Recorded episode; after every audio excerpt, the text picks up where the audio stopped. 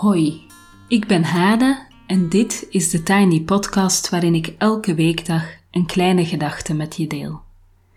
Vandaag is het 16 juni 2021 en de kleine gedachte gaat over zelfzorg. Vandaag en morgen wil ik graag even aandacht aan dat thema besteden. En vandaag gaan we even kijken naar wat zelfzorg niet is. Mijn standpunt is immers dat we voor elkaar en voor onszelf moeten zorgen en zeker ook voor onszelf voorbij de hashtag selfcare. En daar wil ik graag het volgende over vertellen. Wat ik uh, waarneem en waar ik dat waarneem is dan social media, tijdschriften, boeken, heel veel zelfhulpboeken die ik uh, als journaliste krijg. Uh, podcasts, um, allerlei elementen eigenlijk. Wat ik waarneem is dat er een enorm geloof is in het maakbare. Um, er is zo'n gedachte van als je maar, als je maar positief denkt, als je maar positieve affirmaties op je spiegel plakt, dan ga je wel positief denken en dan ga je wel weet ik veel wat allemaal krijgen of bereiken. Als je maar goed voor jezelf zorgt, als je maar de juiste keuzes maakt, als je maar af en toe in bad gaat zitten met een bruisbal, als je maar, als je maar. We hebben echt een enorm uh, geloof in het maakbare en het pakken van regie wordt dat dan ook wel genoemd, het uh, uh, maken van keuzes, het nemen van verantwoordelijkheid. Daar is echt heel veel nadruk op komen te liggen uh, binnen een maatschappij die eigenlijk heel veel bij het individu legt uh, en die heel veel maatschappelijke problemen uh, en de gevolgen daarvan individualiseert en psychologiseert. Dus als mensen het niet aankunnen, dan moeten ze maar regie nemen, moeten ze maar autonomie, dan moeten ze maar delegeren, dan moeten ze maar positieve affirmaties doen, dan moeten ze maar in bad gaan zitten met een bruisbal. En dat zijn heel vaak volgens mij manieren om niet de grotere vragen te stellen en niet de collectieve verantwoordelijkheid uh, te nemen voor wat er in onze maatschappij niet klopt of complex is. Ik heb een tijdje geleden gezocht. Op Instagram gaf toen de hashtag selfcare, zonder afgeleide ervan, uh, meer dan 35 miljoen resultaten. Als ik dan doorklikte, kwam ik in een wereld van quotes, peptalk, bruisballen en verzorgingsproducten terecht. De zelfzorg die ik dan daar zie, lijkt vooral te bestaan uit zelfverwennerij. Heb je hard gewerkt? Neem dan vooral een bad. Heb je een stressvolle periode? Boek een massage of bestel extra deluxe uh, voedingssupplementen om het allemaal wat langer vol te houden. Ben je vermoeid? Ga dan een dagje naar de sauna, want het mag weer.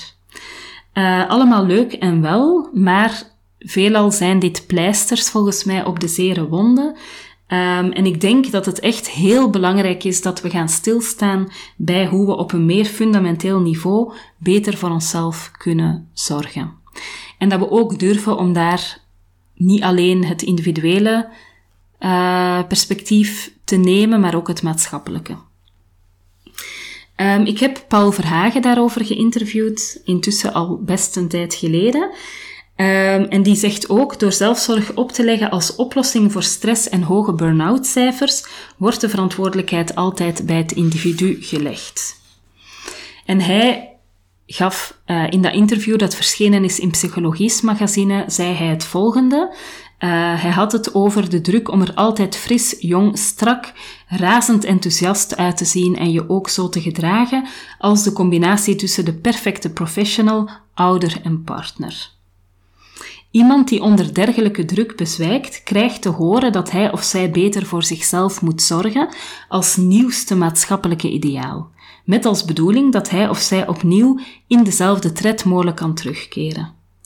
De verantwoordelijkheid wordt dus bij het individu gelegd nadat het grondig fout is gelopen door een maatschappelijk professionele druk. Vandaag is het onze belangrijkste verantwoordelijkheid om opnieuw autonomie te verwerven ten opzichte van heersende maatschappelijke idealen over uiterlijk en carrière. Zo kunnen we beter bepalen wat voor onszelf belangrijk is en wat we zelf willen nastreven. Om zo vervolgens alle overbodige dingen uit onze agenda te schrappen en te weigeren ons te laten fixen via pillen, personal coaches en producten. Einde citaat. Nu, um, ik denk dat het, of voor mij mag het verder gaan dan enkel het verwerven van autonomie. Uh, ik denk dat het heel belangrijk is dat we ook met elkaar verbinden. Um, ik ben bijvoorbeeld zelf lid van FEMA, dat is een organisatie in België die zich onder andere inzet voor de 30-urige werkweek en voor een goede combinatie tussen zorg en, en betaalde arbeid, ook voor de erkenning van uh, niet betaalde arbeid. En ik geloof dat het ook echt belangrijk is om bijvoorbeeld via lidmaatschap van zo'n organisatie die pleit voor uh, om bepaalde dingen toch maatschappelijk, politiek op de agenda te krijgen, dat het ook echt belangrijk is om op die manier ook een signaal uh, af te geven. En dus niet enkel uh, met je agenda. Ik denk ook dat Paul Verhagen dat niet zo bedoelde hoor, maar uh, ik denk dat we verder moeten gaan dan met, met je agenda in een hoekje gaan zitten en met een latje en een rode pen schrappen wat er allemaal niet meer past. Voilà. Um, ja, ik denk dus dat uh, het enerzijds belangrijk is om maatschappelijke problemen niet langer op het niveau van het individu te gaan oplossen of te gaan psychologiseren, waarbij je dus helaas een soort indruk krijgt dat mensen die niet mee kunnen, dat die ofwel maar beter voor zichzelf moeten zorgen, of dat dat ofwel mensen zijn die geen regie kunnen nemen, uh, ja, dat soort dingen. Dus uh, wordt heel erg geculpabiliseerd. Anderzijds denk ik dat het ook belangrijk is om te leren reflecteren over zelfzorg, omdat ik ook zie dat veel elementen die nu onder zelfzorg verstaan worden, dat die um, eigenlijk geen echte zelfzorg zijn. Uh, en ik ga daar een aantal voorbeelden bij geven. Um, ik denk dat zelfverwennerij bijvoorbeeld heel vaak als zelfzorg wordt gezien. Zelfverwennerij is uh, wat ik bijvoorbeeld doe op een werkdag. Ik zit in Haarlem Centrum in de Vijfhoek. Uh, in een straal van 300 meter rond mijn kantoor zijn bij mijn weten minstens twee, maar vast wel meer koffiebarretjes waar heerlijke koffie te krijgen is en natuurlijk ook lekker gebak. En als ik echt keihard heb gewerkt, dan heb ik een diepje om drie uur s middags en dan vind ik dat ik het verdiend heb om naar zo'n koffiezaakje te gaan en dan koffie te gaan scoren met een gebakje. En dan zit ik even op een bankje buiten mijn kantoor en dan uh, heb ik het gevoel dat ik heel goed voor mezelf zorg, omdat ik daar met een taartje zit en een koffietje. Probeer ik mezelf eigenlijk terug op te peppen met suiker en cafeïne om nog de laatste uurtjes van de werkdag te kunnen uh, doen. Um, en dan heb ik dus, dat doe ik dan onder het mom van zelfzorg, terwijl zoiets eigenlijk zelfverwennerij is. Nu, ik denk dat er met zelfverwennerij op zich niks mis is. Hè. Dat kan er ook uitzien als een dagje sauna, um, een glas wijn, lekker aperitiefje als je thuis komt, lekker even je nagels lakken, een keer naar de schoonheidsspecialist, naar de massage, zo. Jezelf een keer wat extra gunnen, een beetje luxe gunnen. Ik denk dat er op zich niks mis mee is, um, als je er wel ook, als dat niet je zelfzorgmodel model is, want uh, je moet natuurlijk oppassen dat je niet telkens heel zwaar over je grenzen gaat. Bijvoorbeeld, je werkt door zonder lunchen, dat heb ik dus soms, uh, zonder pauzes. En dan om drie uur s middag stort je in en de oplossing is dan een taartje en een koffie. Terwijl, ja, dat natuurlijk niet een heel duurzaam idee is van goed voor jezelf zorgen.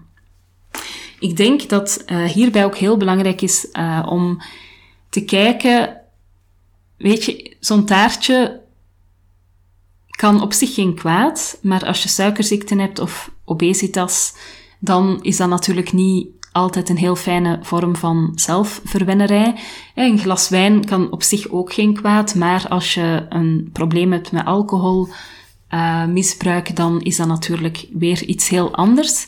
Dus in die zin denk ik dat zelfverwennerij, dat je ook altijd kritisch moet blijven kijken.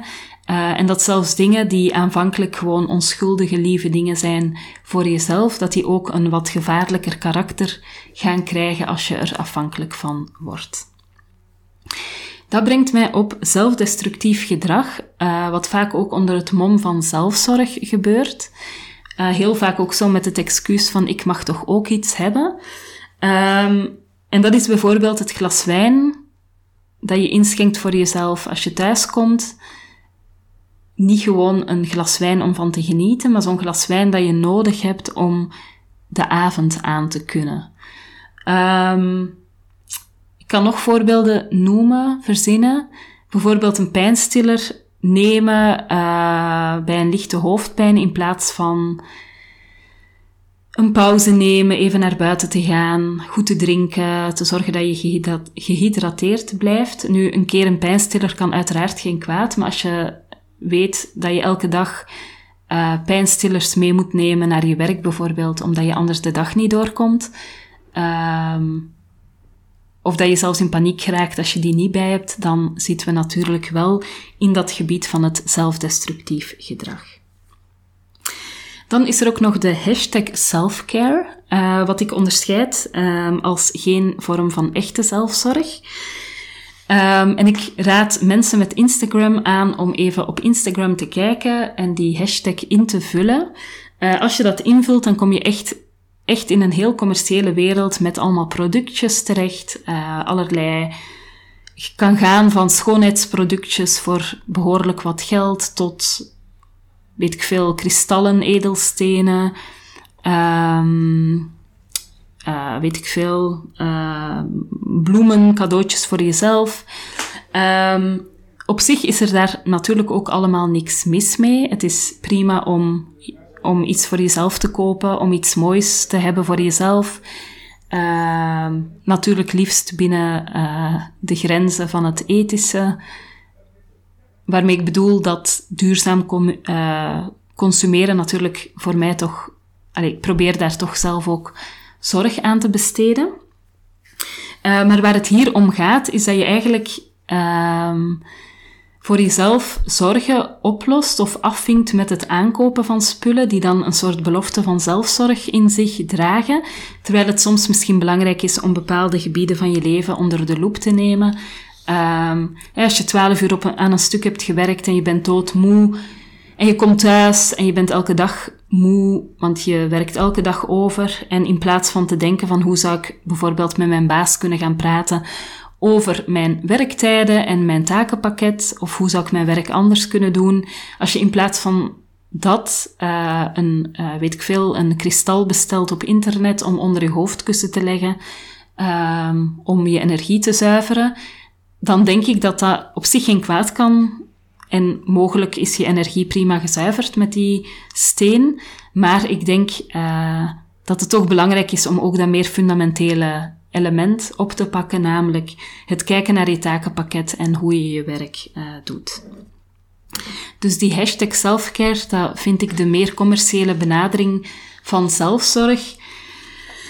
En ik zal meteen ook maar even bekennen dat ik dit zelf ook doe. Hè. Dus um, ik heb ook momenten dat ik doodmoe ben, dat ik echt keihard gewerkt heb en dat ik dan s'avonds in bed lig en dat ik dan op een webshop die ik leuk vind iets voor mezelf bestel met de gedachte dat ik dan lekker voor mezelf heb gezorgd. Ik maak mij trouwens echt schuldig aan al de dingen waar ik het over heb. Hè. Dus ik ga, ja, ik geloof dat ik um, zelf heel reflectief probeer te zijn, maar dat ik echt wel in elke valkuil zelf ook al een keer ben gelopen of nog steeds af en toe loop. Dus in die zin is dit ook helemaal geen oordeel. Het is gewoon een, uh, een verhaal om bewustzijn te creëren.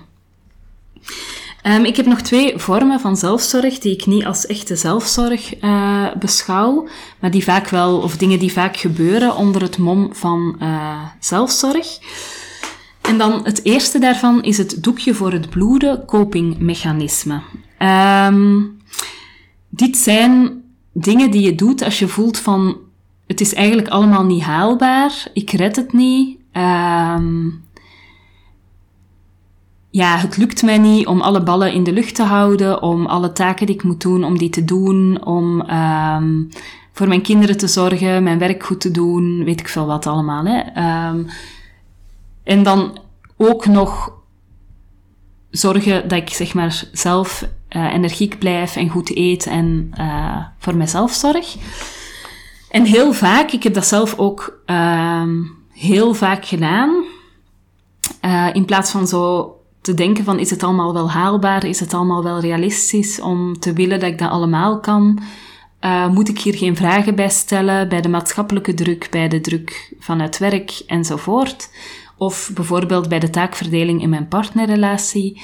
Uh, in plaats van die fundamentelere vragen te stellen, uh, heb ik heel vaak zelf ook um, bedacht van als ik nu een systeem adopteer waarmee ik alles perfect geregeld krijg, dan gaat het opgelost zijn. En dat is zo voor mij het moment dat ik cursussen ga kopen rond time management of zelfhulpboeken, of rond hoe ik perfecte brooddoosjes voor mijn kinderen creëer met alle voedingsstoffen die ze nodig hebben. Uh, ik heb ook allemaal boeken over vrolijk huishouden. Uh, ja, zeg maar allerlei van die technieken die je dan gaat aankopen uh, of gaat doen waarvan je eigenlijk verwacht dat die het probleem gaan oplossen, terwijl je stiekem ook wel weet dat dat niet zo is. Um, in deze categorie uh, gezinsplanners. Ik heb zoveel gezinsplanners gekocht ik dacht als we maar een, ergens een grote planner ophangen, waar dan zo een vakje voor ieder gezinslid en dan alle activiteiten en taken, alles komt daar dan in en dan koop je die gezinsplanner en dan gebruik je die twee of drie weken en dan vervalt dat weer. Um, wat ik nog allemaal heb gedaan, menuplanners gekocht, van die schema's die je dan op de koelkast moet hangen met weekmenu's. Echt allerlei dingen met de gedachte van ik red, het, ik red het echt niet, ik red het helemaal niet en als ik die dingen koop, dan gaat mijn leven meer georganiseerd zijn en dan wordt het allemaal beter. Helaas, niet het geval.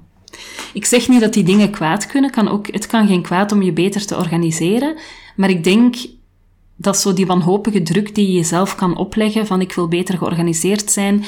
Dus ik ga nog wat systemen vinden en dan moet ik een systeem waarmee alles gaat lukken en ik alles onder controle kan houden. Ik denk dat dat idee, dat dat echt geen zelfzorg is. Integendeel, ik denk dat dat heel veel druk legt op onszelf.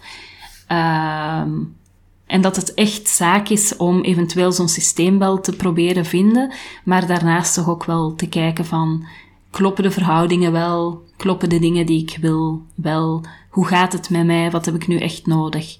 Enzovoort. En dan had ik nog een laatste. Uh, wat ik als geen echte zelfzorg uh, beschouw. Uh, ik had op een bepaald moment, toen ik alleenstaande moeder was, had ik het idee van ik moet beter voor mezelf zorgen. Was op zich geen slecht idee. Dus toen ging ik googlen naar yogalessen. Vond ik in de buurt yogalessen. Toen ging ik een oppas regelen. Um, ik weet nog dat dat op donderdagavond was en dat ik vanaf donderdagmiddag al stress had. Want ik moest dan exact op tijd de kinderen ophalen.